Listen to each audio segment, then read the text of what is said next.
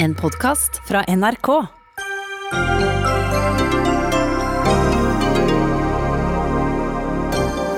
Arbeiderpartiets Masud Gharahkhani fikk eh, krass kritikk fra mange av sine egne i forrige uke, da han sa han ikke ville hente ut barn fra Moria-leiren i Hellas. I går vedtok eh, partiet å øke antall kvoteflyktninger med 500.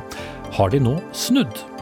Allerede før vi bestemte oss for at hver koronasmittet måtte smitte mindre enn én annen person, så hadde vi nådd nettopp det målet. Hvorfor er det da fortsatt skolebarn hjemme? Opposisjonen kritiserer kulturminister Abid Raja fra Venstre for å falle bakpå i responsen til et kulturliv som lider under pandemien. De prater høyt i media, men gjør heller ingenting selv, svarer han.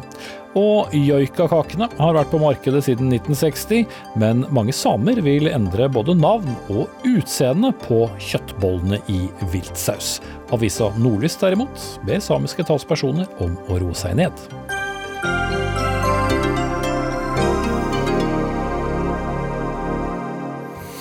Da sier vi god kveld og velkommen til Dagsnytt 18 med Espen Aas, der vi også skal høre om at Venstre frykter at koronakrisen kan føre til at vi blir for innovervendt som land. Men først. Det har stormet mye rundt Arbeiderpartiet og hvorvidt de vil hente barn fra Moria-leiren i Hellas og til Norge den siste uken.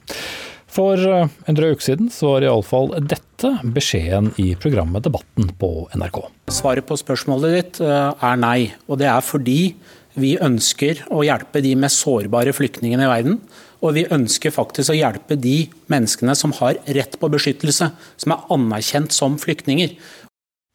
Ja, Det var Masud Gharahkhani som kom med disse ord, og i etterkant ble det altså både høylytte og sterke oppfordringer fra både partiveteraner og ungdomspartiet om å endre kurs. I går vedtok stortingsgruppa i Arbeiderpartiet å ta imot 500 flere kvoteflyktninger.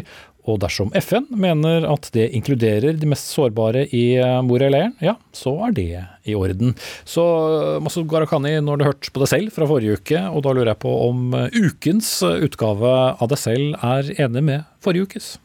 Altså, Jeg har vært med på det forslaget vi nå har vedtatt, og det er helt i tråd med det vi vedtok på landsmøtet. Når vi diskuterte det forslaget som gikk på, fra SV, så er det ingen som kommer til å støtte det i Stortinget. Og for å minne folk på hva det var? Det er automatisk at man skal hente ut 1500 mennesker fra Hellas. Det forslaget vi har, mener vi er i tråd med det vi vedtok på landsmøtet. Det er riktig politikk nå, fordi i den landsmøtepolitikken vår så er det at når det er lave asyltall, og det er det nå, og det kommer til å vedvare ut i 2020, så er det rom for å øke antallet kvoteflyktninger. Mm. Men kan kvoteflyktninger da inneholde barn fra Moria, eller? Og det er jo det vi sier, det er at når vi foreslår å ta 500 ekstra kvoteflyktninger Det ene er at vi ønsker at de 3000 kvoteflyktninger vi er enige om i Norge, det skal faktisk gjennomføres. Og så skal vi da ta 500 nye. Men FN har sagt at de ønsker at Norge skal ta imot flere kvoteflyktninger, men de har også sagt gjør noe med situasjonen i Moria. Og For oss så er jo det sporet vi vedtok på landsmøtet, at vi skal lytte til FN. Derfor så sier vi gå i dialog med FN, altså regjeringen. Snakk med de. Er det sånn at de mest sårbare nå er i Moria, så skal Norge være positive og hente ut der. Og da skal det være de som har reelt beskyttelsesbehov. Men den vurderingen må vi gjøre sammen med FN. Det er det som ligger i det landsmøtevedtaket vi vedtok. Mm. Men da jeg hørte forrige ukes utgave av deg, så var du også opp, veldig opptatt av at uh, hvis vi begynte å hente folk fra Moria-leiren, så var det nærmest en oppfordring til menneskesmuglere til å fortsette farefulle ferder over Middelhavet. Så jeg mener jo at det vi nå uh, legger frem, er en helhetlig pakke som er utrolig viktig. fordi det er viktig å ha en logikk i flyktningpolitikken i Europa. og Den store utfordringen nå er jo at noen av de landene som har sagt seg villige til å ta imot fra Hellas, ingen av de er på norsk nivå i forhold til å ta imot kvoteflyktninger. Og Det er helt avgjørende. fordi Hvis du skal få ordna forhold, at du stopper disse dødsveiene over Middelhavet, så er det viktig at flere europeiske land kommer på nivå med Norge. Og det vi nå foreslår, er jo at faktisk Norge vil være på topp i Europa og i verden, med sett i antall befolkninger vi har. Jo, men dere sier jo likevel at dere kan hente barn derfra. Og så har FN da sagt, i tillegg til at vi ønsker at dere skal ta imot flere kvoteflyktninger, gjør noe med situasjonen i eh, Hellas, eh, altså de greske øyene. Det er viktig å huske det. Det er ikke bare Moria, det er stor utfordring. det er litt uh, symbolet. Men det kommer da utenom de 500, eller kommer de innenfor de 500? Nei, det er en del av det. Da går vi til FN, sier vi det, at eh, vi nå ønsker å ta ekstra ansvar. Et tid hvor mange land kommer til å redusere sitt bidrag, dessverre, så ønsker vi å ta et ekstra ansvar. Mener dere nå at de mest sårbare er i Moria, så sier vi ja til å ta imot, men da er det viktig at det er de med reelt beskyttelsesbehov. Og da er det slik at eh, hvis det er det FN mener er riktig, så vil FN, eh, Norge, gjennom utlendingsmyndighetene, eh, finne ordninger som gjør at vi velger de som har reelt beskyttelsesbehov. Og jeg håper jo at eh, dette forslaget blir vedtatt, eh, og at regjeringen nå eh, tar en aktiv rolle og snakker med FN og finner gode praktiske løsninger på det. Vi skal snakke med en representant fra regjeringen snart, men eh, først vil jeg eh, høre med deg, Jon Helgheim fra Fremskrittspartiet. Hvordan eh, tolker du det Arbeiderpartiet ble enige om i går? Nei, altså dette er jo en eh, vidt forskjellig politikk fra det de mente bare for kun få dager siden. Før var vi vant med at Arbeiderpartiet snudde eh, fra måned til måned i innvandringspolitikken, men nå har det blitt såpass drøyt at de endrer politikk fra uke til uke, og også dag til dag. Men han sier at de ikke de endret politikk. Ja, men altså Det er eh, helt eh, endra politikk. Helt nye toner enn den fornuftige, ansvarlige og restriktive linja som eh, Masud Gharahkhani sto for i forrige uke, og bare for noen dager siden. Nå er det snudd helt om, og nå mener han faktisk at vi skal hente asylsøkere. Og så har de kommet med det fiffige grepet og prøver å lure folk til at det er kvoteflyktninger de nå vil hente fra Moria-leiren eller fra Hellas. Og det er bløff, for det finnes ikke kvoteflyktninger i Hellas. Dette er å hente asylsøkere, altså den uansvarlige tilnærmingen som Arbeiderpartiet talte midt imot bare for få dager siden. Okay. Dette har ingenting med hjelp å gjøre. Dette her er å bidra til at situasjonen blir verre. Dette er å lokke fler ut i lidelse og nød. Nå øyner både menneskesmuglere og grunnløse asylsøkere muligheten, og vil legge ut på eh, flukt eh, eller reise til Europa hvis eh, dette blir gjennomført. For nå er det også flere andre land som gir sånne uansvarlige signaler, og dette har vi sett hva fører til før. Så jeg er jeg vet nesten nesten ikke om jeg skal le eller grine av eh, Arbeiderpartiet nå, men dette er drøyt. Ja, Det var nesten dine egne ord i forrige uke som Helgheim egentlig gjentok der. Vet du hva, altså Det som er utfordringen i innvandringspolitikken, det er at hvis du hører på Fremskrittspartiet, så er det alltid nei til å hjelpe mennesker på flukt. Og hører du på SV, så er det ja til alt. Det er ikke sånn, jo, men det er, ja, nei, men det handler om å finne gode, praktiske løsninger for den situasjonen vi er i. Og jeg mener Det forslaget vi har nå, som jeg har vært med på å lage sjøl, er i tråd med landsmøtet. og Det er viktig at Norge tar et ekstra bidrag nå, men vi skal gjøre det sammen med FN. Slik at vi alltid velger de mest sårbare. Om FN mener nå pga. en ekstraordinær situasjon, så er det i Moria. Så sier vi ja til det, og da må det være de med reelt beskyttelsesbehov. Dvs. Si at de som oppfyller asyl, og når de kommer til Norge, så skal de da ha permanent opphold her. Så har jeg lyst til å legge til forskjellen mellom meg og Frp er jo at det vi nå sier, er at i en tid hvor veldig mange vestlige land dessverre kommer til å redusere sitt bidrag, så sier vi at Norge skal gjøre et ekstra innsats. Hvorfor er det viktig? Fordi når det kommer til å normalisere seg igjen, hvor asyltallene går opp, så er vi nødt til å ha tredjelandsavtaler som gjør at det blir færre asyl til Norge, sånn at vi kan prioritere kvoteflyktninger. Og hvem vil de da stole på? Et parti og en politikk som sier at vi skal stille opp, gjøre det på en god måte, uten at det er menneskesmuglerne som skal styre, eller et parti som sier nei til okay. alt? Ja, altså, dette må jeg få svare Ja, Et lite øyeblikk, Helge, du skal få slippe til, men jeg vil ha inn eh, også representant fra regjeringen. For Hilde Barstad, du er statssekretær i Justis- og beredskapsdepartementet fra eh, Høyre. Vedtaket til Arbeiderpartiet i går, får det noen som helst betydning for hvordan departementet vurderer situasjonen rundt barn fra mor eller? Nei, dette vedtaket undrer oss jo eh, ganske kraftig. Vi syns ikke at det har eh, reelt innhold. Eh, Slik vi eh, har fått opplysninger nå, så er altså ikke UNHCR til stede i øyene i, i Hellas. Det finnes det ikke noe system for uttak av eh, asylsøkere der. Det er ikke kvalitetssikring at de har eh, beskyttelsesbehov, slik som en har system for ellers når det gjelder kvoteflyktningarbeidet innenfor eh, ramma i EU. Så slik sett så kan ikke vi se at det er rett og slett noe innhold i det. Mm. Vi har sagt hele tida at vi ønsker å prioritere og ha fokus på å hjelpe de som har beskyttelsesbehov og er kvalitetssikra og har sittet i kø i vanskelige forhold i andre leirer, eh, og får de hit til Norge. Vi er blant de landene i verden som både i relative tall og i absolutte tall tar imot flest asylsøkere i kvotesystemet, og det skal vi innfri. Så da kommer du puste lettet ut da, Helgheim? Jeg er helt enig i eh, denne versjonen som kom nå, og det var også det Arbeiderpartiet var enig i forrige uke. Så begynner Arbeiderpartiet å snakke hvem er det folk vil stole på, hvem vil FN stole på. Eh, jeg, og Det kommer jo helt an på hvilken versjon av Arbeiderpartiet man lytter til, om det er forrige ukes versjon eller denne ukens versjon, for den er totalt og vidt forskjellig. Eh, så sier også Arbeiderpartiet at Frp aldri vil hjelpe. Det Eh, Gharahkhani og Arbeiderpartiet og den ansvarlige delen av Arbeiderpartiet egentlig vet, det er at å hente asylsøkere til Norge har ingenting med hjelp å gjøre. Det vil gjøre situasjonen verre. Flere vil lokkes ut i lidelse og nød. Eh, derfor er den beste hjelpen å gjøre det vi gjør. Det er å komme med innsats i nærområdene, i flyktningleirene. Der hjelper vi så det monner. Eh, og alt annet, å hente noen hit, vil faktisk føre til at situasjonen blir verre. Og hvem okay. skal man stole på? Jo, det vil være å stole stole på de som har en politikk som viser seg å stå seg over tid, ikke den hopp og sprett-politikken som noen nasjoner nå fører, eh, som vil bidra igjen til at folk begynner å flytte på seg. Og det er grunnløse asylsøkere i all hovedsak som okay. reiser over til Hellas. For alle disse de var trygge i Tyrkia og kunne blitt der.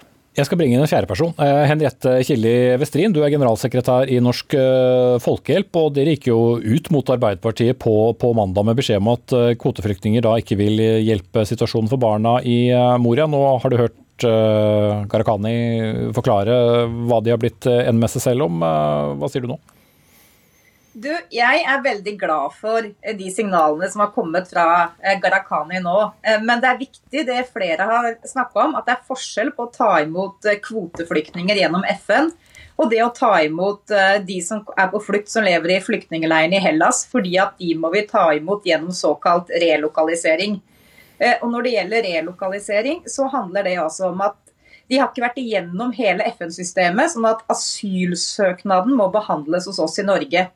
Vi vet at veldig mange av de som er på flukt eh, og som lever i Hellas, har stort behov for beskyttelse. Så det er fullt mulig å hente folk som eh, med all sannsynlighet kommer til å få varig opphold her, men det er Norge som må gjøre eh, den vurderinga. Mm. Så hvis nå Arbeiderpartiet sier at de vil ta imot 3500, en kombinasjon av kvoteflyktninger og relokalisering, sånn at vi nå raskt for det er raskt som er nøkkelordet her. Krisa står og banker på døra Moria, på Moria akkurat nå. Det er nå vi må ta tak, og det kan vi gjøre via relokalisering. Så hvis det er det Arbeiderpartiet vil gjøre, så er det veldig gode nyheter. Ja. Da Gharahkhani, så har Jon Helgheim sagt at dere har eh, snudd. Vestrin sier at dere har snudd, du sier at dere ikke har snudd. Og regjeringen skjønner ikke helt hva dere har gjort. Espen, la meg da eh, svare ut spørsmålene. Det, det, jeg kommer til å foreslå på vegne av Arbeiderpartiet, er fire forslag. Det ene er at ja, det er bestemt at Norge skal ta imot 3000 kvoteflyktninger. Det er stoppet opp.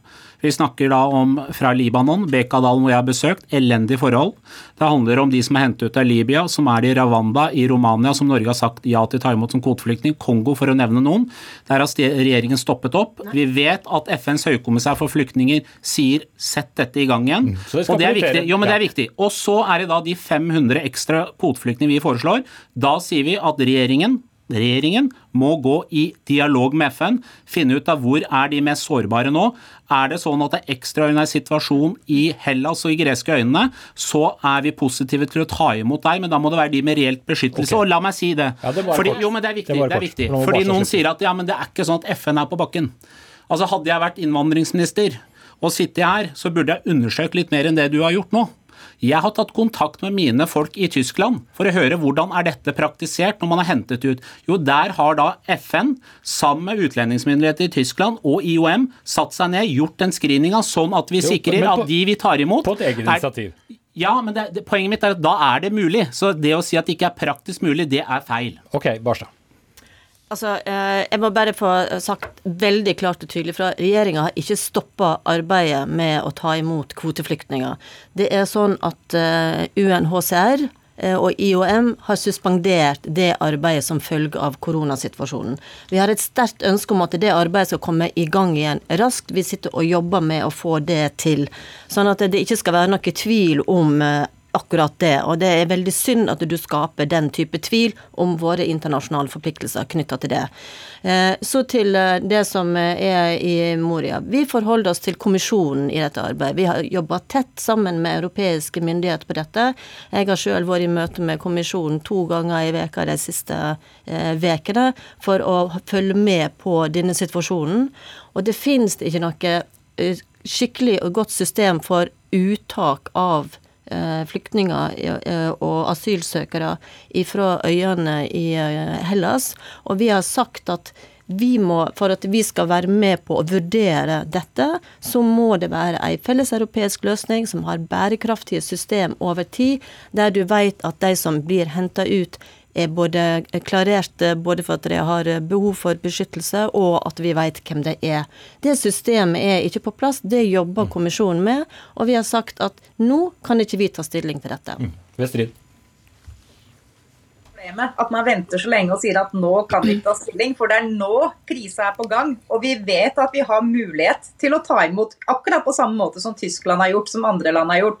Så spørsmålet er jo hvem vil vi være? Vil vi være de som er etternølere og sier at vi skal utrede, og så venter vi til krisa har kommet, eller skal vi gjøre det nå? For nå har vi muligheten, nettopp fordi det ikke kommer andre kvoteflyktninger. Vi er jo alle enige om at vi ønsker at den ordninga skal komme så raskt som mulig, men så lenge de ikke kommer i dag, så har Norge stor kapasitet, og vi kan gjøre dette kjapt. Og det er da vi faktisk kan være med å gjøre en forskjell. Men det kommer ikke vi til å gjøre? Ingen skal være i tvil om våre internasjonale humanitære eh, forpliktelser. Vi er de som tar imot flest eh, kvoteflyktninger. Vi har tatt ut tidligere eh, relokalisering fra Hellas. Eh, som svært få andre europeiske land. Så vår internasjonale innsats på dette eh, området har vært god over mange år. Mm. Så Helgheim, eh, til slutt. Da blir det jo status der vi er, ut fra det du hører regjeringen sier og det du selv står på, og vel også det Arbeiderpartiet sier.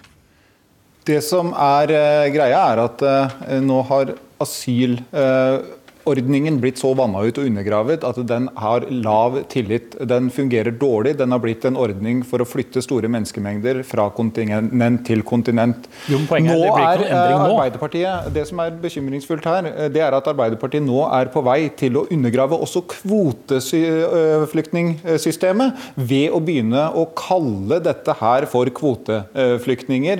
Fordi de eh, er flaue over at de har bytta standpunkt og prøver å kalle det noe annet enn å hente asylsøkere asylsøkere. Og så snak, Når man snakker om de mest sårbare, som flere gjør her, så befinner ikke de seg i Moria. Okay, Alle disse leirene er forferdelige rundt omkring i hele verden. Hvis man begynner å plukke ut de som kunne vært trygge i Hellas, som bare har reist over for å nå Europa, selv om de ikke var forfulgt i Tyrkia, ja, da har man virkelig angrepet eh, problemet okay. på feil måte. Der setter vi strekk. Takk til Jon Helgheim fra Fremskrittspartiet, Masud Gharahkhani fra Arbeiderpartiet, Hilde Barstad, statssekretær fra Justis- og beredskapsdepartementet fra Høyre, og Henriette Kilje Westrin, som er generalsekretær i Norsk Folkehjelp. Dagsnytt 18 alle hverdager kl 18.00 på NRK P2 og NRK2.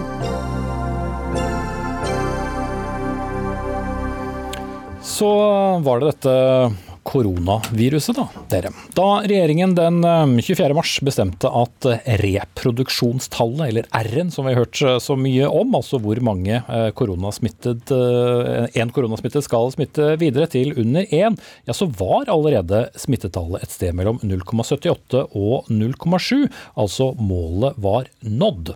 Det skriver Aftenposten i dag, basert på data fra Folkehelseinstituttet. Likevel har vi altså holdt store deler av Norge innendørs, og først over en måned etterpå så skal altså deler av skolebarna tilbake igjen. Og direktør ved Folkehelseinstituttet Camilla Stoltenberg, hvis vi fikk dette viruset så raskt under kontroll som i hvert fall disse tallene kan eh, tyde på, hvorfor da fortsatt så strenge tiltak? Nå er jo regjeringen i ferd med å justere de tiltakene slik at de blir mindre jo da, strenge? Dere som har dataene, som da viste i hvert fall ifølge Aftenpostens utregninger at uh, smittetallet var, var, veldig lavt allerede for en måned siden. Ja, men det visste vi ikke da. Det visste verken vi eller regjeringen. Og det er jo en hovedgrunn til at Folkehelseinstituttet har sagt at vi må få data som gjør at vi kan analysere det som skjer i sanntid. Mm. For det er helt utilfredsstillende å ha det etterslepet. Men det å skaffe de dataene er ganske krevende, for det er ikke satt opp for at man skal ha den type oppfølging av en epidemi eller et utbrudd, og heller ikke av hvordan tiltak virker. Mm. Så jeg tror det, det, dette minner oss på, er jo først og fremst hvor avgjørende viktig data og forskning er i en sånn situasjon. Mm. Og Dere publiserer jo øh, statistikk og, og data når dere har dem. Øh, smittetallet, denne berømmelige R-en øh, som dere publiserte nå vel i dag, den er da nede på 0,66. Altså den er enda uh, lavere. Men er det farlig om vi da tenker at huh, nå er det over, nå kan vi puste ut? Ja, det er det. Fordi vi må ikke eh, slappe av. Dvs. Si, vi må nå bruke den tiden som er vunnet til å utvikle nye tiltak og til å skaffe bedre data, mer forskning, følge opp i sanntid i mye større grad enn vi har vært i stand til så langt. Mm. Og justere tiltak, få nye tiltak som, som det med økt testing, testing i hele befolkningen. Altså ikke alle i befolkningen, men sånn at vi vet hvordan epidemien utvikler seg i befolkningen. Det er helt avgjørende viktig, og det er vi nå i gang med. Mhm. Men Hvor lavt skal dette tallet da bli? Det er ikke så veldig viktig hvor lavt det er, bare det er under én. Eh, for da går epidemien tilbake. Mm. Men under én bør det være. Vi må også være forberedt på at det går over én. Eh, og det er jeg ganske sikker på vil skje. Hvor, det er ikke helt sikkert, men det er sannsynlig at det vil skje. Mm. Skal komme tilbake til det. Nå vender meg til Eiliv eh, Lund. Du er professor ved Institutt for samfunnsmedisin ved Universitetet i Tromsø, også kjent som Norges arktiske universitet, som vi vet. Eh, du skrev jo for flere uker siden at koronaepidemien den truer ikke den norske befolkningens helse. Betyr det at du mener vi angriper det med vel kraftig skyts her? Ja, jeg har ment det. Og jeg har ment det siden jeg skrev det da i slutten av mars. Vi visste allerede på det tidspunktet, hvis vi så til Italia og de dataene som det italienske folkehelseinstituttet la ut på nettet, at dette var en helt spesiell epidemi. Den rammet i all vesentlighet gamle mennesker, altså mennesker oppe i 80-90-årsalderen. Og eh, selv i Italia så hadde de etter 12 000 døde, hadde de bare én død under 20 år. Så det visste vi. Eh, hvis vi bare så ut. Og så visste vi, Hvis det var tilfellet, så var de som skulle beskyttes, det var de gamle og de som hadde risikofaktorer. For det viste også de italienske myndighetene, at det var folk mm. med hjertesykdommer og lunge og sånn.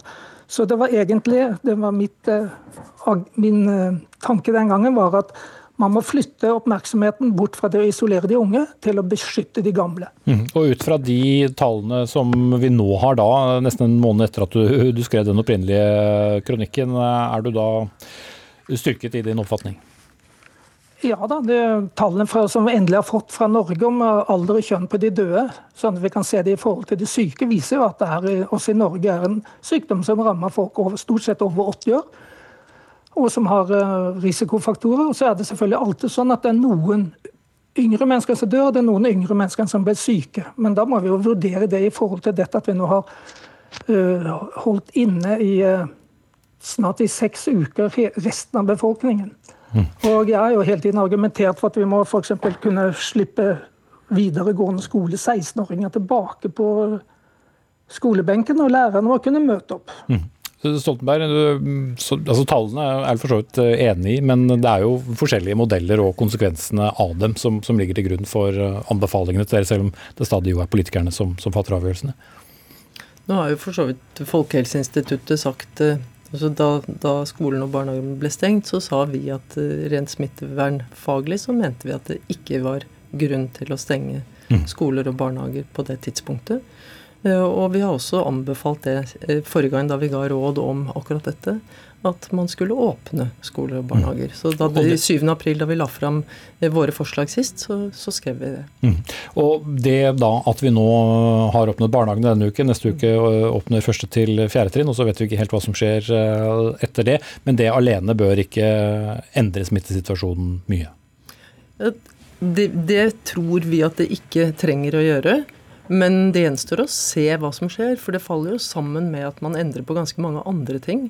Og det betyr at det blir veldig vanskelig å si om det var fordi man åpnet skoler og barnehager at man eventuelt får mer smitte, eller om det er det at folk begynner å gjøre mange andre ting også samtidig. Så det er vi opptatt av nå, å prøve å eh, få de dataene vi trenger for å kunne si om det er det ene eller det andre. Det vil være til veldig stor hjelp, eh, også når man skal eventuelt vurdere ny stenging. Eh, for det kan komme opp som et krav, eh, og hvis man ikke da har bedre kunnskap enn vi har nå, så er man dårlig rustet mm. til å velge de riktige tiltakene. Andreas Slettholm, kommentator i Aftenposten. Da du ja, kommenterte deres egen sak med, med, disse tallene, så skrev du at dette gir grunn til optimisme. Men hva slags optimisme? Nei, i hvert fall sånn jeg oppfatter den eh, nasjonale strategien nå, så er det jo at man skal på en måte eh, åpne opp så mye man kan eh, mens denne R-en, altså dette reproduksjonstallet, fortsetter å være én. Og så har man fått denne eh, modellen nå som gjør det mulig for å, å overvåke dette i mye mer eh, sanntid. Sånn at da kan du se for deg at, eh, at uh, man sitter og eh, trykker på én og én knapp, og så ser hva som skjer, og så forhåpentligvis kan man trykke på så mange knapper eh, som mulig. Men så er jo spørsmålet, nettopp som Stoltenberg er inne på her, siden vi ikke vet eh, hvor mye effekt f.eks basal hygiene og hoste, holde hosten sin for seg sjøl og alle disse tingene her har å si, så er det jo veldig usikkert. Og, og, og, og der, i verste fall så, så, viser det seg jo nå at uh, det kanskje ikke hadde, var ikke det som hadde så mye effekt. Men sånn jeg i hvert fall leser disse tallene i, i vår sak i dag, så er det en ganske sterk indikasjon på at uh, i Norge så har vi kunnet komme ganske langt med Eh, bare altså med avstand, eh, eh, håndhygiene og den type mm. tiltak. Så, så, flere kunne kanskje vært på jobb? Ja, ja jeg tror det. Altså, den 12. mars var jo uroen i befolkningen ekstrem. Det var veldig stor usikkerhet. Jeg er nok mer kritisk til den vurderingen man gjorde 24. mars, Kanskje ikke at man opprettholdt tiltakene, men at man da valgte å forlenge det til 13. april, som jo da i praksis ble 20. april for barnehager og 27. april mhm. eh, for skoler. Eh, det, det, det, var veldig lenge, og da hadde man kanskje noen indikasjoner på at eh, smitten var under større kontroll enn en 12. mars. Mm. Eh, Eiliv Lund, eh, la gå at eh, tiltakene har vært strengere og, og raskt strenge i, i, Norge kanskje enn en del andre land, men så er jo også eh, antall døde i forhold til per 100 000 også svært lavt, så vi har vel vunnet noe på det likevel? Ja, så Det har det vært hele tiden. Har vi hatt en, lav, en av de laveste dødeligheten blant de som er syke. Og Der har vi skilt oss f.eks. fra resten av kontinentet, bortsett fra Tyskland og de nordiske statene. Så det har vært et eh, veldig klart skille, og det burde vi egentlig tenke at det er helt greit. To tredjedeler av de som dør i Norge, de dør på sykehjem eller aldershjem. Og Det betyr at den andelen av folk som har gått rundt i samfunnet, for å si det slik, så har man dødd, den er lav. Det er ca. 50-60 stykker. Og lukke ned hele samfunnet for det, betyr at neste gang vi får en influensaepidemi, hva gjør vi da? Dette er eh, forrige gang, altså Siste statistikken vi har fått døde av influensa, var fra 2018. Da var det 350 som døde av, in, av influensa. Mm. Så vi er liksom, etter mitt skjønn så er vi litt ute av proporsjoner. Det er skapt en bekymring rundt denne sykdommen som ikke er reell for de som er under 70 år. Mm. De dør ikke, de kan bli syke, men det har de blitt av alle andre influensaepidemier. Men vi har et helt spesielt problem med denne sykdommen fordi den rammer lungene til eldre folk. Mm. Og det er det vi må fokusere på. Stoltenberg. Jeg er helt enig i at det er eldre som rammes, og at det er viktig å beskytte de gruppene. Og en av de tingene som er mulig å gjøre nå når man har vunnet tid ved å nettopp slå smittespredningen så tydelig ned, det er jo å sørge for beskyttelse av eldre, og særlig de som bor i sykehjem. Mm. Eh, til slutt, eh, Slettholm, mange har jo skjelt til, eh, til, Sverige en stund. Der også meldingen de siste dagene er at smittekurven er i ferd med å flate ut, til tross for en helt annen vei inn i, i dette enn andre. Men de vil ikke komme bedre ut av det enn, enn de norske tiltakene likevel? Ja, nei, Det tror jeg er altfor tidlig å si noe om til slutt. Det som i hvert fall er sikkert og som er veldig fascinerende nå, er at hvis du ser på nye smittetilfeller i Norge, veldig lave. Hvis disse siste tallene fra Sverige er, eh, er, korrekte om at man har en ganske stor immunitet i Stockholmsområdet, så er man altså Norge og Sverige i, i sånn vidt forskjellige situasjoner og en uh, har taklet denne epidemien på totalt ulike måter. Og så gjenstår det å se hvem som kommer best ut av det til mm. slutt. Men er det en frykt eh, når vi da presenterer så lave smittetall som det vi gjør nå, at befolkningen også vil tenke at nei, men hør nå her, nå har vi så store begrensninger. Er, på Østlandet er det kjempefint vær, kan ikke gå ut og drikke øl. Eh, at de vil ignorere det. Ja, det tror, jeg, det tror jeg nok kan skje. Og så er det jo en effekt av bare tiden som er gått også. Altså folk eh, folk går lei av eh, ting. ikke sant? Og Det er derfor jeg husker godt at eh, Stoltenberg 12.3 mars, Hennes bekymring var ikke at tiltakene hadde kommet for, ti, for, for, sent, men at de kanskje kom for tidlig. ikke sant? Nettopp fordi man er in it for the in it for long run, eller hva det heter for noe på engelsk.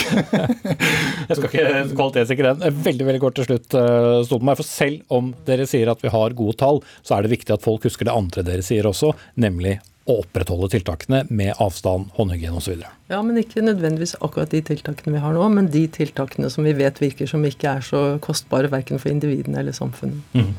Det er ikke bare koronasmittetallene som eh, synker, det gjør også mage- og tarminfeksjoner, og faktisk også gonorétallene kunne Folkehelseinstituttet melde om i går. Så følges tometerreglene, så ja, er det også noen ting som er praktisk umulig å pådra seg.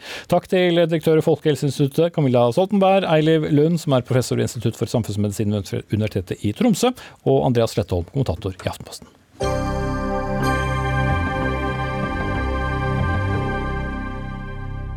Joik har større kraft enn krutt, het det i et gammelt Grand Prix-bidrag. Senere i denne sendingen skal vi iallfall høre at joik av kakene, eller snarere emballasjen, den er i, gir krutt til debatt nordpå. Men eh, vi skal fortsatt eh, snakke om eh, korona og følgene av tiltakene. For den har jo ført til mye, ikke minst så godt som stengte grenser og økt behov for en nasjonal beredskap. Noe som har fått bl.a. Senterpartileder Trygve Slagsvold Vedum til å juble over nasjonalstatens gjenoppstandelse. Andre er derimot bekymret for at vi vender oss for mye innover. Venstre Iseline Nybø rykket i dag ut i Dagbladet og bekymret seg for mer proteksjonisme. Og partifelle klima- klima- og miljøminister Sveinung Rotevatn. Det er vel i så fall politiske valg som må gjøres før eh, proteksjonismen får et eh, for stort eh, innhold? Det er absolutt politiske valg. Og vi ser jo nå i etterdønningene av denne veldig alvorlige globale pandemien at nettopp den typen politiske valg og initiativ blir tatt rundt omkring. Alt ifra Viktor Orban, det han gjør i Ungarn, til Donald Trump som vil kutte støtte til Verdens helseorganisasjon, og en rekke politikere som liksom tar til orde for at nei, nå er tida for å lukke grensene og se innover. Eh, og jeg mener det er stor grunn til å være bekymra for det, og Venstre er bekymra for det. Fordi at eh, ja, vi skal håndtere denne globale pandemien, men framover så trenger vi minst like mye internasjonalt samarbeid om helt avgjørende spørsmål som klima- og miljøkrisa, migrasjon, handel og ikke minst pandemiberedskap og helse. Eh, og det Også egne lagre, f.eks.? Hva sa du? Også egne lagre, kanskje? Ja, det er ingen tvil om at vi nå må ha en runde etterpå på hvordan beredskapen har vært rundt en del helt sentrale eh, ting rundt helse f.eks. Og det er runder en skal ta. Men at det tilsier at du skal ha noe mindre handel i verden framover eller noe mer stengte grenser, nei, til, jeg vil si snarere tvert imot. Vi trenger tettere globalt samarbeid både rundt helsespørsmål og andre spørsmål. Mm. Ja, Senterpartileder Trygve Slagsvold eh, Vedum, hvilke konkrete grep bør vi i så fall gjøre her eh, i Norge for å hylle denne nasjonalstaten? Altså, det er jo en kjempestor suksess, nasjonalstaten Norge, der vi har løfta hverandre fra Finnmark i nord til Agder i sør. Der vi har satt inn penger og ressurser i de områdene som sliter. Det har vært liksom den norske tradisjonen. Vi har nasjonalt eierskap til naturressursene. Og så har vi brukt eh, penger på ulike grupper som har hatt utfordringer. I sitt fellesskapsprosjektet som Norge, Norge er. Og så mener vi at Norge har vært for lite sjølforsynte at de har vært for sårbare. Og så er jeg grunnleggende uenig med Venstre-statsråd fra høyreregjeringa, Sveinung Rotevatn, som skrev i sin bok, og lese fra Sveinung Rotevatns egne bøker. Bestselgeren 'Liberalisme på norsk'. Nei, bra bok, så det er bare å lese. Ja. Jeg for min del, altså ikke jeg altså, men Rotevatn, øh, mener jeg, det å være sjølforsynt slett ikke er et selvstendig mål. Å gjøre land mindre sjølforsynte er tvert imot viktig for å skape fred.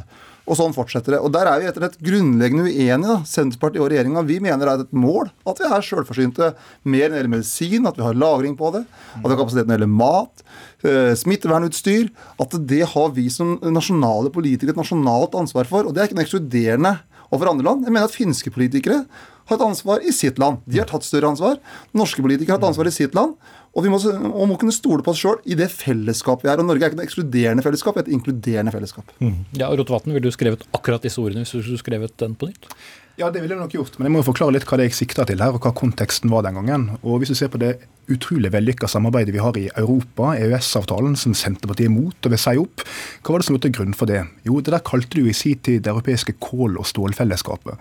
Der nettopp poenget var at ulike land som hadde kriga i mange hundre år, ikke skulle sitte og være sjølforsynte med kål og med stål, men tvert imot handle med hverandre, binde opp hverandre, skape fellesskap rundt ressurser og varer og tjenester, slik at du kan sikre freden og unngå krig. Og det mener jeg fortsatt er et viktig mål. Så betyr ikke det at en ikke skal jobbe med selvforsyning i Norge på en rekke kritiske innsatsfaktorer. Og det er jo rart å nevne matproduksjon. Altså det er en ting som har fungert nå, så det er nettopp både matproduksjon i Norge og handel med mat på tvers av grenser. Det har fungert bra gjennom pandemien. Den største utfordringen norsk landbruk har hatt nå, det er ingenting av det Trygve Slagsvold Vedum nevner. Det at de ikke får tilgang på arbeidskraft fra EØS-området, som de er helt avhengig av for å både så og høste inn avlinger gjennom sesongen nå. Vi får jammen håpe at en klarer å ordne opp i det, men det viser jo ikke at du trenger noe mer innadvendt politikk. Det viser hvor avhengig vi er, også landbruket, av EØS-avtalen, som Senterpartiet vil si opp. Det som er det, det, som er det fine med nasjonalstaten, er jo at eh, vi står til ansvar i valg. Hvis vi gjør noe dumt, så blir vi kasta. For så gjorde Venstre dårlig valg sist. Eh, og så er Rotevatn mister mandatet sitt i Sogn og Fjordane. For man følte ikke i Sogn og Fjordane at Rotevatn hadde representert det på en god nok måte. Og Jeg kan selvfølgelig miste mandatet mitt i Hedmark hvis folk i Hedmark mener at jeg har gjort en feil jobb. Takk for forklaringen om hvordan vi velger her i landet, men jo, hvordan er det relevant i forhold til det? Det er det som er hele poenget med nasjonalstaten. Der er folket suverene. De bestemmer, de er sjefene. Det er problemet med EU-systemet, at der er det et byråkrati langt borte fra folk som tar beslutninger som ikke er forankra i folks hverdag. Og Det skaper avmakt, og avmakt skaper nesten frustrasjon. Og vi mener at det er en særdeles dårlig modell. Og De siste åra har jo Venstre og regjeringen regjeringa med Høyre og Frp i spissen eh, sagt at den skal gi fra Norge makt når det gjelder energipolitikk på ACER, på finanspolitikken. Og vi mener at det er en uklok vei. Vi mener det er klokere at man tar de beslutningene i Stortinget. Og at hvis de er uenige med oss, så kaster de oss i valg. Men er du uenig i det Rotevatn nettopp argumenterte med, som har vært bra eh, for Norge? Nettopp fordi vi har eh, kunnet bl.a. importere mat som vi trenger? selvfølgelig trenger vi internasjonalt samarbeid. Eh, men så er forskjellen da, mellom eh, Høyre, Rotevatn og, Senterpartiet det er at vi ønsker mellomstatlig samarbeid. Jeg ønsker ikke et overnasjonalt samarbeid der beslutninger tas ut fra de folkevalgte organ, sånn som Stortinget, og inn i et EU-byråkrati langt borte fra folk. Vi tror at det er konfliktskapende. Når vi ser i Italia nå f.eks. EU-motstanden eh, øker. Først så skaper man store problemer med å innføre en euro, og når krisa nå rammer, så stiller ikke EU opp og hjelper til. For da er det nasjonalstaten sjøl som må gjøre jobben. Og det er ikke noe gærent i det, men det er gode nasjonalstater i tett samarbeid. Det er en god modell. Mer eh, byråkrati, mer elitestyrt Europa fra Brussel, det er et dårlig modell. Ja, EU har jo fått en del kritikk hvert for hvordan de håndterte, eller ikke håndterte, snarere krisen innledningsvis. Eh, Rotot. Ja, og Det har jo å gjøre med nettopp at EU er organisert etter det som Trygve Slagsvold Vedum ønsker, at de ikke skal ha ansvar for helseberedskap f.eks. Det har nasjonalstatene ansvar for. Der har ikke EU virkemiddel. For det statene har ikke ønska at EU skal ha den rolla. Det tror jeg ikke Senterpartiet egentlig ønsker heller. Men det som er rart, syns jeg, er jo at at en her peker på at det liksom svekker oppslutning. Det er jo helt feil. Tvert imot så har en sett at etter at eh, de likesinnede til Trygve Slagsvold Vedum i Storbritannia fikk gjennomslag for å trekke det landet ut av EU etter brexit, med de enorme konsekvensene det får, så oppslutninga rundt europeisk samarbeid styrker seg i alle land. Også styrker seg i Norge, der et overveldende flertall er sterke tilhengere av EØS-avtalen, som Senterpartiet ja. ønsker å si imot. Og De bøndene dette har på seg å representere interessene til, ser nå hva konsekvensen blir når du f.eks. ikke har fri flyt av arbeidskraft, som EØS sikrer oss.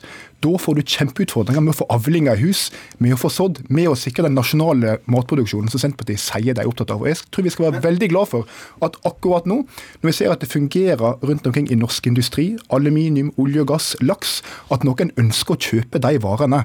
Det er bra. Og hvis folk rundt omkring hadde tenkt akkurat som Trygve Slagsvold Vedum, så hadde ikke de arbeidsplassene vært der. Det er jo bare sånn skremselspropaganda. Altså, Norge har jo hatt tollfrihet på de varene svært svært lenge. Og Senterpartiet er ikke sånn at vi ikke ønsker å ha avtaler med EU. Vi skal bare ha bedre avtaler med EU, der det er mer makt som ligger til de folkevalgte organene.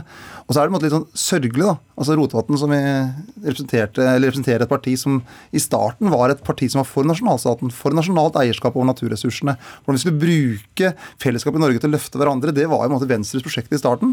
Mens nå har det blitt et mer sånn EU-føderalt parti eh, som, som, ønsker, som, mener at det er noe gammeldags, noe stemoderlig med at vi tenker på hvordan vi kan bygge arbeidsplasser og sikre nasjonalt eierskap i Norge. Nå har Trygve Slagsvold Vedum bygd seg en stor stråmann som har plassert midt på bordet mellom oss, og den kaller han for Venstre. Og sier at Venstre er mot nasjonalstaten og mot eierskap til naturressurser. Venstre er for nasjonalstaten, Venstre er for nasjonalt eierskap til naturressurser, men vi er i tillegg for fredelig samarbeid mellom likesinnede land om handel, om tjenester, om verdiskaping. Og det at Senterpartiet sitter her som et stort parti i Norge og sier at det vil sette Norges viktigste internasjonale avtale, viktigste handelsavtale i spill, med alle konsekvensene det får for verdiskaping i en så alvorlig tid som nå, det bør Senterpartiet sine velgere merke seg. For det er ikke i nasjonalstaten Norges interesse. Men nå må jeg sette strek, og du ville helt sikkert sagt en gang til at uh, du vil at de skal handle med omverdenen. Takk til Trygve Slagsvold Vedum, uh, også for høytlesning, og til Sveinung Rotevatn fra Venstre.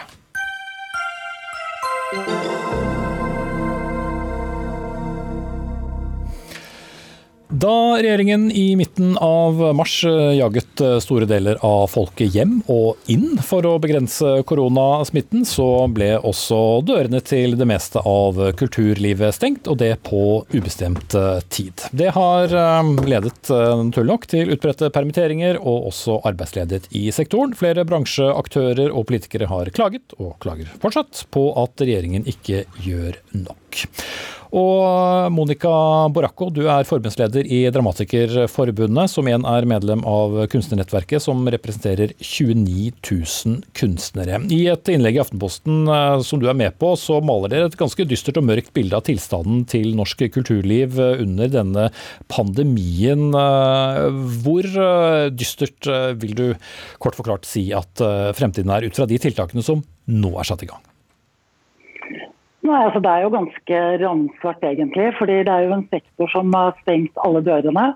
Gallerier, teatre, museer, alt er stengt.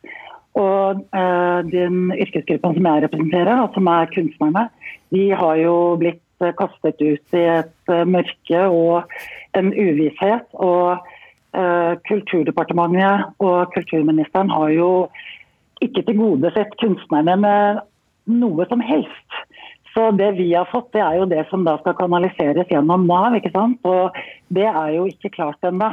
Og vil kanskje ikke være klart før langt utpå sommeren. Så mm. det ser ikke lyst ut. Men det er jo en rekke yrkesgrupper som ikke har fått eh, egne pakker, selv om for all del det er mange som skulle ønske de fikk det. Så hvorfor er kultursektoren så annerledes?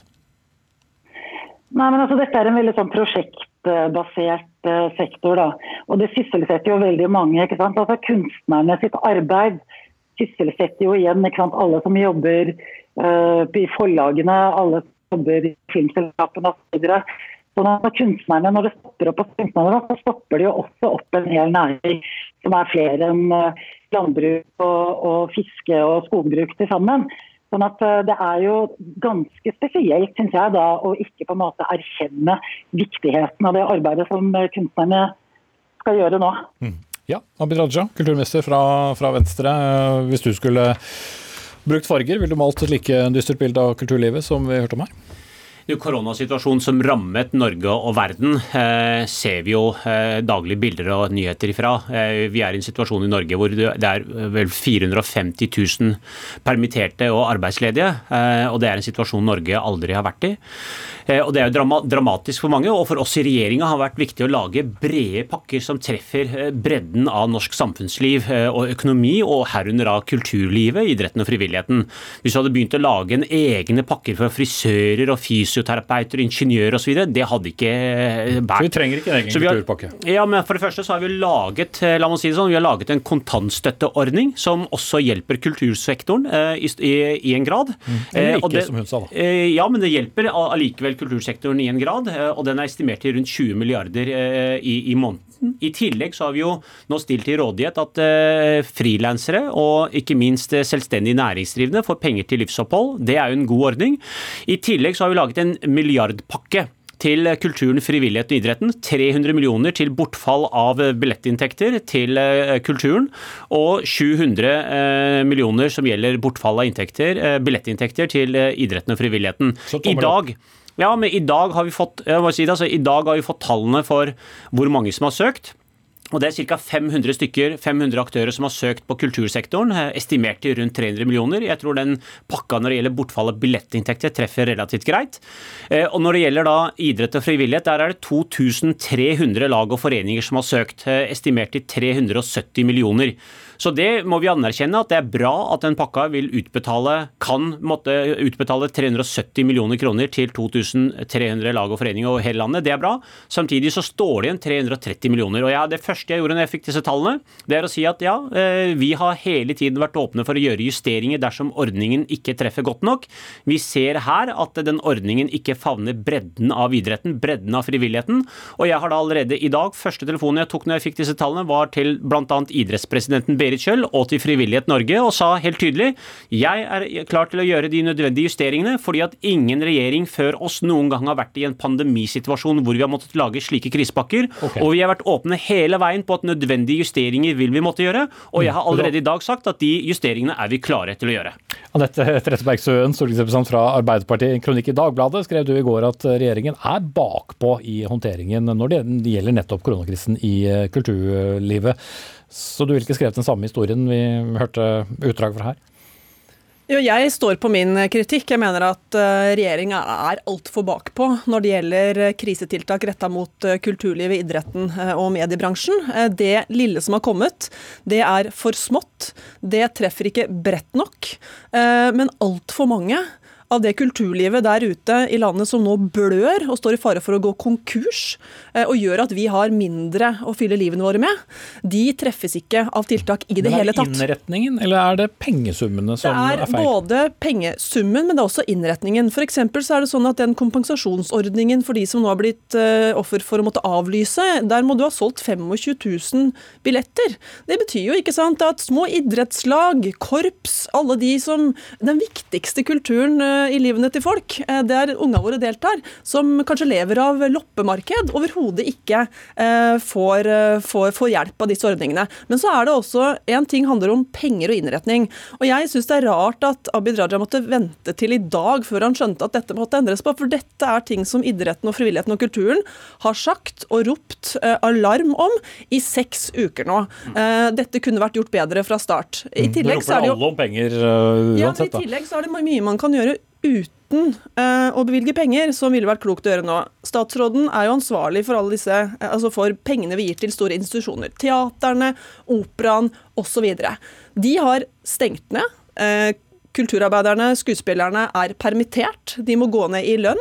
Mens man burde brukt denne situasjonen til å tenke nytt, kreativt, formidle kultur ut til folket. Det er helt høl i huet at disse institusjonene nå ikke holder hjula i gang, til det beste for både de som jobber der, men også for oss som, som trenger noe å fylle livet vårt med nå. Ja, eh, vi har jo prøvd å invitere deg et par ganger for å svare på nettopp det. Det har vært flere her som mener at det virker veldig rart. Eh, at hvorfor kan ikke kulturarbeidere være på jobb? Hvorfor skal de eh, gå på Nav og heller jobbe og holde kulturen i, ja, og Det skal jeg også svare på. Bare rette opp i et par feil her, bare sånn faktabiter. Det er ikke sånn at man må ha solgt 25 000 billetter for å komme inn under ordninga. Det er slik at man har lagt et innslagspunkt på at man må ha tapt inntekter tilsvarende 25 000 for å kunne komme inn under okay. det. Så det er sånn, viktig å si det. Og det andre er at hvorfor jeg ikke har har sagt at jeg skal justere denne ordninga før i dag. Eh, vi har hele tiden sagt at vi er villige til å gjøre nødvendige justeringer. Det har vi regjeringa kommunisert hele tiden. Og sagt at vet du hva, det er ikke sikkert vi treffer godt med alle ordningene vi lager. Og vi er villige til å gjøre de nødvendige justeringene fortløpende. Både jeg har sagt, og det har også Jan Tore, Jan Tore Sanner kommunisert en rekke ganger.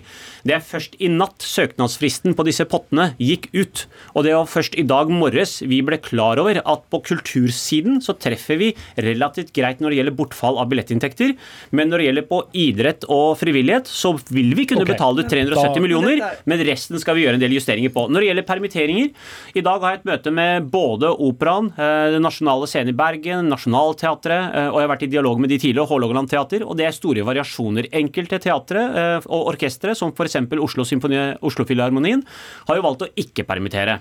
Det har vi, jo, vi har noe som heter sånn armlengdes avstand i Norge. Dvs. Si at kulturministeren skal ikke gå inn og f.eks. bestemme hva slags kunstuttrykk som skal få penger eller det- ikke. det skjønner jeg, men men på det- den måten kan ikke jeg, eh, så kan ikke, heller ikke jeg, og bør heller ikke jeg, som kulturminister gå inn f.eks. i operaen og bestemme over hvordan operaen eh, skal, eh, skal, skal gjøre de enkelte vurderingene for sin institusjon. Men samtidig så bevilger du Men samtidig penger til så- kulturinstitusjoner Ja, som permitterer vært- ansatte, og dermed så betaler staten, vil noen argumentere, to ganger. Samtidig så er jeg jo nettopp i dialog med institusjonene. For det første så har jeg tillit til at de gjør disse vanskelige vurderingene som de gjør. Altså Vi har faktisk 450 000 permitterte i Norge. Det er ingen i Norge som kommer til å gå helt skadefri Ja. fra den sektoren. Men den sektoren jeg har møtt også i dag, og fortløpende bakover i tid, det de jobber nå med, er å målrette hvordan de kan komme på offensiven når vi nå vet at denne okay. situasjonen kommer til å vedvare i lengre tid. Så jeg tror det å si at sektoren er passiv, eller at operasjefen er passiv, eller teateren er passive, det er helt feil. Nei, og jeg tror det å tro at hele kultursektoren kommer til å gå helt skadefri fra koronasituasjonen, jeg tror da Nei, lever det, man i et vakuum. det er det ingen med. Det er jo ikke noe rart at institusjonene permitterer, for de har jo ikke fått noe signal eh, fra statsråden om at eh, de skal holde hjula i gang. Eh, Ekstraregninga som uansett kommer til å ende på regjeringa sitt bord, tas. Og Derfor så skjønner jeg godt at de i en usikker situasjon gjør det. Hadde jeg vært kulturminister, så hadde jeg sagt for det, det, disse var de som ble først ramma. Stengte og tømte saler på få timers varsel. Jeg hadde sagt hold hjula i gang, dette skal vi fikse til det beste for alle. Men så til det andre. Hele filmbransjen, eh, store deler av eh, de viktigste kulturaktørene våre som eh, jobber frivillig, mediebransjen, disse store, viktige aktørene står helt uten krisetiltak. Altså, nå er vi på sjuende uka med korona. Og jeg syns det er rart det, at kulturministeren sier at i natt, når søknadsfristen gikk ut, så ble vi klar over at pakkene traff slik. Nei, vet du hva. Kulturlivet og vi i opposisjonen, vi har sagt dette i sju uker. Det er altfor mange deler av kulturlivet som nå blør. Festivalene også, som, som ikke treffes av noen tiltak, og som venter og på og, og trenger krisehjelp. Hva har du tenkt å gjøre for de, kulturminister? Og du skal få lov til å svare Ja, kort. programleder. Altså, eh, det er slik at Regjeringa har sammen med partene i arbeidslivet og sammen med Stortinget laget disse pakkene. Det er jo ikke sånn at Stortinget ikke har kunnet legge eh, hånda på rattet på det. Jeg noterer er meg at, eh, jeg mange noterer meg samler at, eh, innretning mot ja, den men jeg ser sektoren at som du, eh, eh, den eh, vikarierende kulturministeren som har lyst til å bli kulturminister, altså hun fremmer sine forslag i avisen. Altså, Nei, jeg satt jo i, jeg satt jo i finanskomiteen før jeg ble kulturminister. Og det er én ting jeg lærte i finanskomiteen, er at hvis du ønsker å få gjennom forslagene dine, så hjelper det ikke å fremføre de i avisen eller debattstudiene alene. Du må fremføre det faktisk i, og- i, noe, i noe forslagsform på Stortinget. Og når det gjelder mediepakka, den kommer vi til å komme. Den har vi sagt at vi skal Og- og levere fordi- på. Den jobber vi med, og den kommer til å også komme på. Og ikke minst så har jeg vært i dialog med film, filmsektoren. Og sammen med Men det har og ikke kommet sammen en med eneste og jo, jo, Nei, det er ikke det. Du Ja, sa nei til mediebransjen på en fredag, så tok Stortinget Altså, saken i egne hender og tvang dere til å levere en pakke i løpet av helga. fullføre, Så har jeg sammen med Filminstituttet vært i dialog med de, og de har da frigjort eh, det som var ment til produksjon, 100 millioner, ca. 99 millioner kroner, eh, som de har gått inn med en kompensasjonsordning nettopp for å kompensere for det vanskelige situasjonen som nettopp film, Jo da, og du en lengre liste står over overfor. steder det har vært, men poenget er vel at eh, Stortinget ikke er fornøyd. Opposisjonen har én løsning, og det er at de skal pøse på med mer penger. Og ja, selvfølgelig, det kan hjelpe, men jeg tror det er viktigere hvis de ønsker å pøse på med mer penger, at de gjør det i et budsjettvedtak på Stortinget enn i, et, i en aviskronikk. Det blir litt for enkelt Ja, og kan ikke. Pøse på med flere ord heller, er redd. Vi skal rekke siste sak, så jeg må stoppe der. Takk til Anette Trettebergstuen fra Arbeiderpartiet og kulturminister Abid Raja fra Venstre, og også takk til Monica Boracco fra Dramatikerforbundet. Hør Dagsnytt 18 når du vil. Radio NRK NO.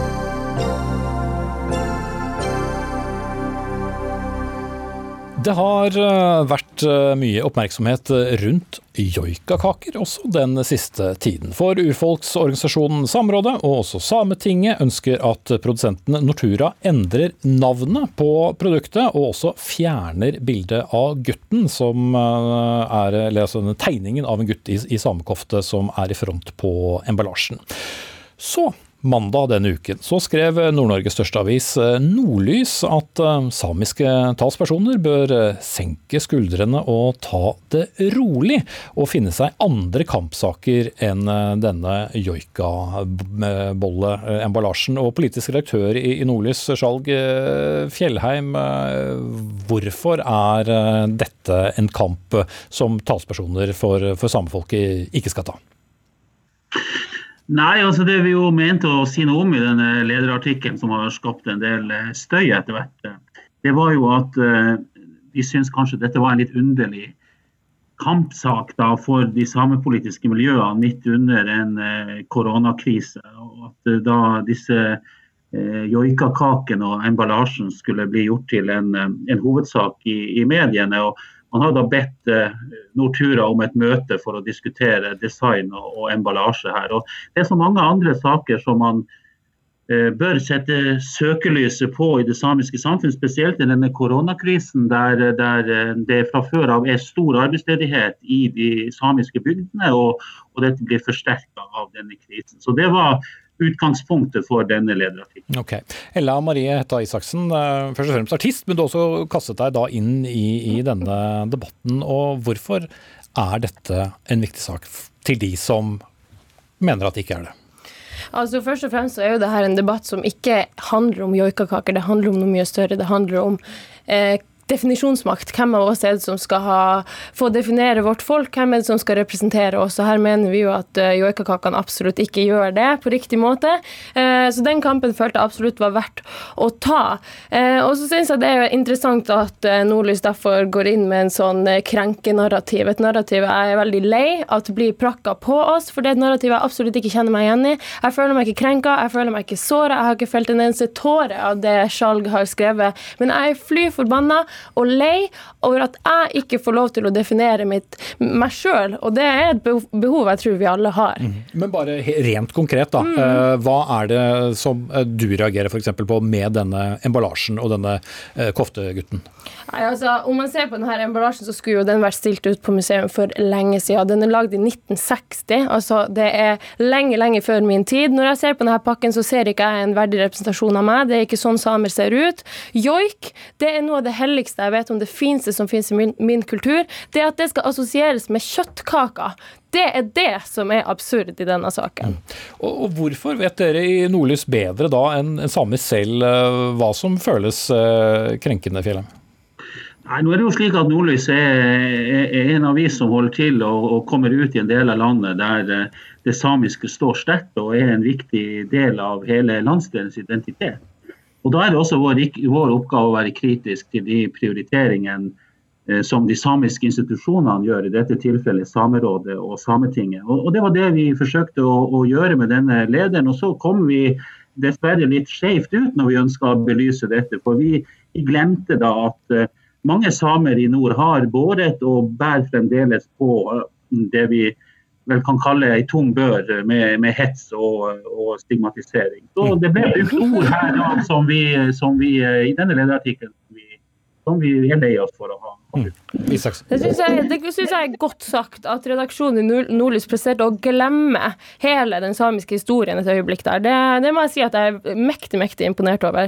Og så vil jeg bare si det at, eh, at i, i, i, måten dere skrev den lederen på, og den står fremdeles like provoserende, spør dere meg, selv om dere har prøvd å gjøre noen ørlite endringer, eh, så syns jeg at dere rett og slett fordummer oss som er samiske talspersoner. Dere klarer å fordumme et helt folk ved å prøve å påstå at det finnes viktigere saker og sånn og sånn og sånn. Det er jo ikke sånn at vi ikke bryr oss om de andre sakene, men her holder vi på med en stor vask. Vi skal rydde opp etter 100 års undertrykking. Vi skal rydde opp etter 100 års eh, fornorskingspolitikk. Og da skal vi ikke tillate at sånne spøkelser fra 60-tallet som joikakakene skal få lov til å stå i butikkhyllene fremover. For du savner vel ikke Blackboy, krydder og negro, sukkerkulør heller, Fjellet?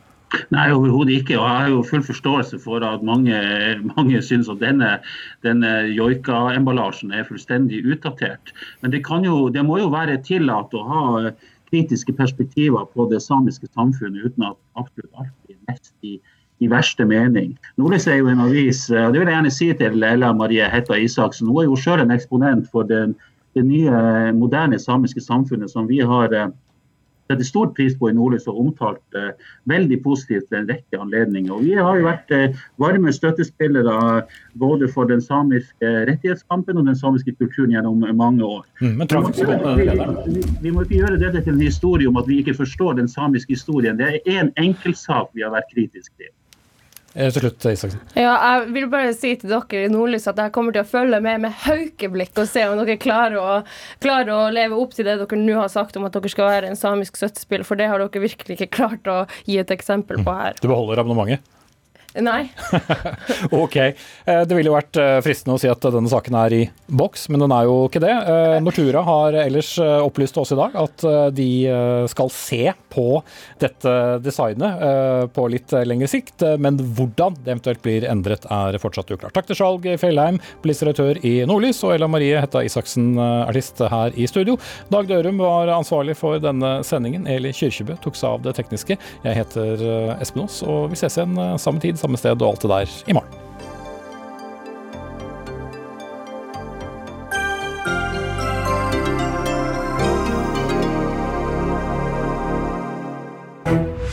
Er det sant at koronaviruset ikke dreper flere enn vanlig influensa? Den store forskjellen er at når det gjelder influensa, så har de fleste av oss litt beskyttelse fra før, fordi vi har vært utsatt for influensavirus tidligere. Hvordan slapp Donald Trump unna i riksrettssaken, når nesten alt tyder på at han var skyldig? One of President Trumps top lawyers claimed any president has almost unlimited power. I år er det ikke mulig å stemme via SMS. I år kan du kun levere stemme på nrk.no. Hva skjedde i kulissene? Minuttene da stemmesystemet i MGP-finalen brøt sammen. Marerittet. En total teknisk kollaps. Og så var det jo bare å prøve å finne ut av ok, men hvordan skal man fylle den ekstra tida. Fordi eh, da var det sånn Du kan jo gå i green room, men når jeg da i, skal stå i green room, da er jo alle artistene vekke. Alt dette og mye mer får du vite i Oppdatert, podkasten som gir deg peiling på sakene alle snakker om. Hør oppdatert med meg, Ragna Nordenborg, nå i appen NRK Radio.